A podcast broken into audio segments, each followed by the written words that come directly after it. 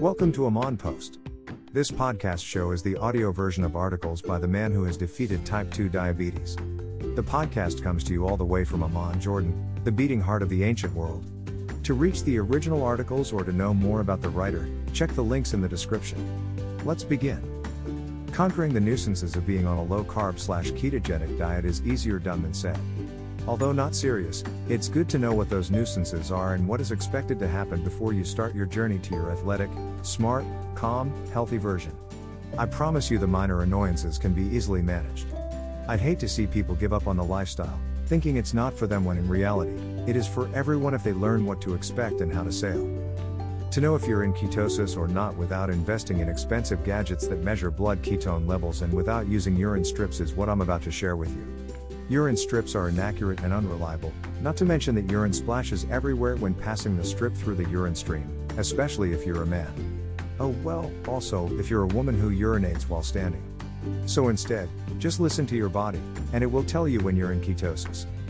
Digestive changes are pretty standard to occur after a few days on a low carb diet.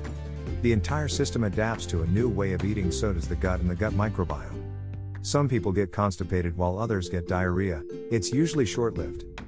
The dreaded keto flu, misnamed as someone suggested shifting into ketosis, causes flu like symptoms, which usually happen 2 to 5 days after starting a very low carb ketogenic diet. It's not that bad when you know what to expect, and when you know you're on your way to feeling fabulous. Most people get a slight headache, a little bit tired or depressed with poor concentration. Calling it flu is a bit extreme, it's nothing compared to catching the flu. Your body is starting to burn fat as its primary fuel source, and it's just not used to that. It takes a little bit of a period of adaptation. If you follow the SMART protocol lifestyle, you'll encounter this every week, but I promise you it's well worth it. A little price to pay for reaching and maintaining the athletic version of you all year round. Next is keto breath, which some people notice as the levels of ketones in the bloodstream begin to rise. Ketones escape in the form of acetone, which we breathe out. Not everybody can detect the smell of such low acetone concentrations in their breath. Acetone also escapes in urine, and you might notice a strange smell while urinating. Decreased exercise performance is a telltale sign.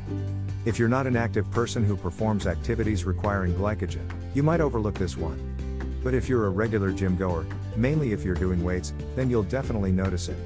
You won't be able to lift quite as much as you usually do, and the plates, while racking and unracking, will feel heavier than usual. If you try to sprint, you'll notice you cannot reach your maximal speed or maintain the effort as long as you normally do. The explanation for this is simple first of all, you burn through your short term energy stores when you go on a low carbohydrate ketogenic. Your body is used to depend on glucose derived from glycogen released from the liver and stored in your muscles. The glycogen concentration in your muscles is what determines power output in activities such as resistance training and sprinting. Such activities are the ones that will give you the obvious sign as you'll notice a measurable difference. Another reason for the decreased exercise performance is that your body is not accustomed to burning fat and ketones as a primary energy source. It takes some adaptation time for your body to get used to the new fuels, and that will show up in your exercise performance. Insomnia is another sign. When on a ketogenic diet, up to 70% of the energy your brain utilizes is derived from ketones. It is an entirely different energy system, and therefore it's very common for people who are not used to being on ketogenic diets to experience insomnia. Reduced appetite, so you've created the conditions in your body where you can now access your stored body fat energy. Therefore, you're going to be less hungry as you're getting consistent energy from your fat stores. This is a significant positive sign, and it's very often that people decide they do not need breakfast anymore. I always advocate starting with 4 to 6 weeks of strict ketogenic dieting before adding intermittent fasting and a free day on the weekends. The fact that you've reduced hunger and your system adapted to using fatty acids and ketones mean the transition to intermittent fasting will be much easier. That's one of the reasons I often recommend people start a low carb diet before experimenting with intermittent fasting. Stable blood sugar and stable low insulin would greatly assist in appetite suppression. You'll naturally advance into intermittent fasting and the weekends refeeds. Dumping carbs is the way to go. My personal favorites are mental clarity, the razor sharp focus, inner peace, and serenity. It's just incredible, and it's well worth being on a ketogenic diet purely for that. It outweighs the weight loss and improved body composition for me. Ketones are the best fuel for a bright, calm brain. You might get excessively talkative, so be warned. Improved overall physical energy levels are a clear sign. You just don't get tired from routine activities such as walking or standing. The reason is you'll have access to your fat stores as your primary energy source, delivering stable energy throughout the day. You don't get those afternoon carb crash slumps anymore. When the beginner's insomnia clears up, your sleep will become of higher quality, and you'll feel more refreshed than ever. Many people report needing less sleep. Last but not least, the number on the scale dropping is the most obvious sign that you're on the right track.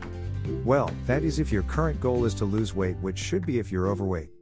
Health comes first. My advice is not to get obsessed with weighing yourself. It's about how you look and how you feel. It's about discovering your hidden talents, how creative you truly are, and what you can accomplish. Just trust the process and enjoy your new lifestyle. Start your journey. Dump the carbs.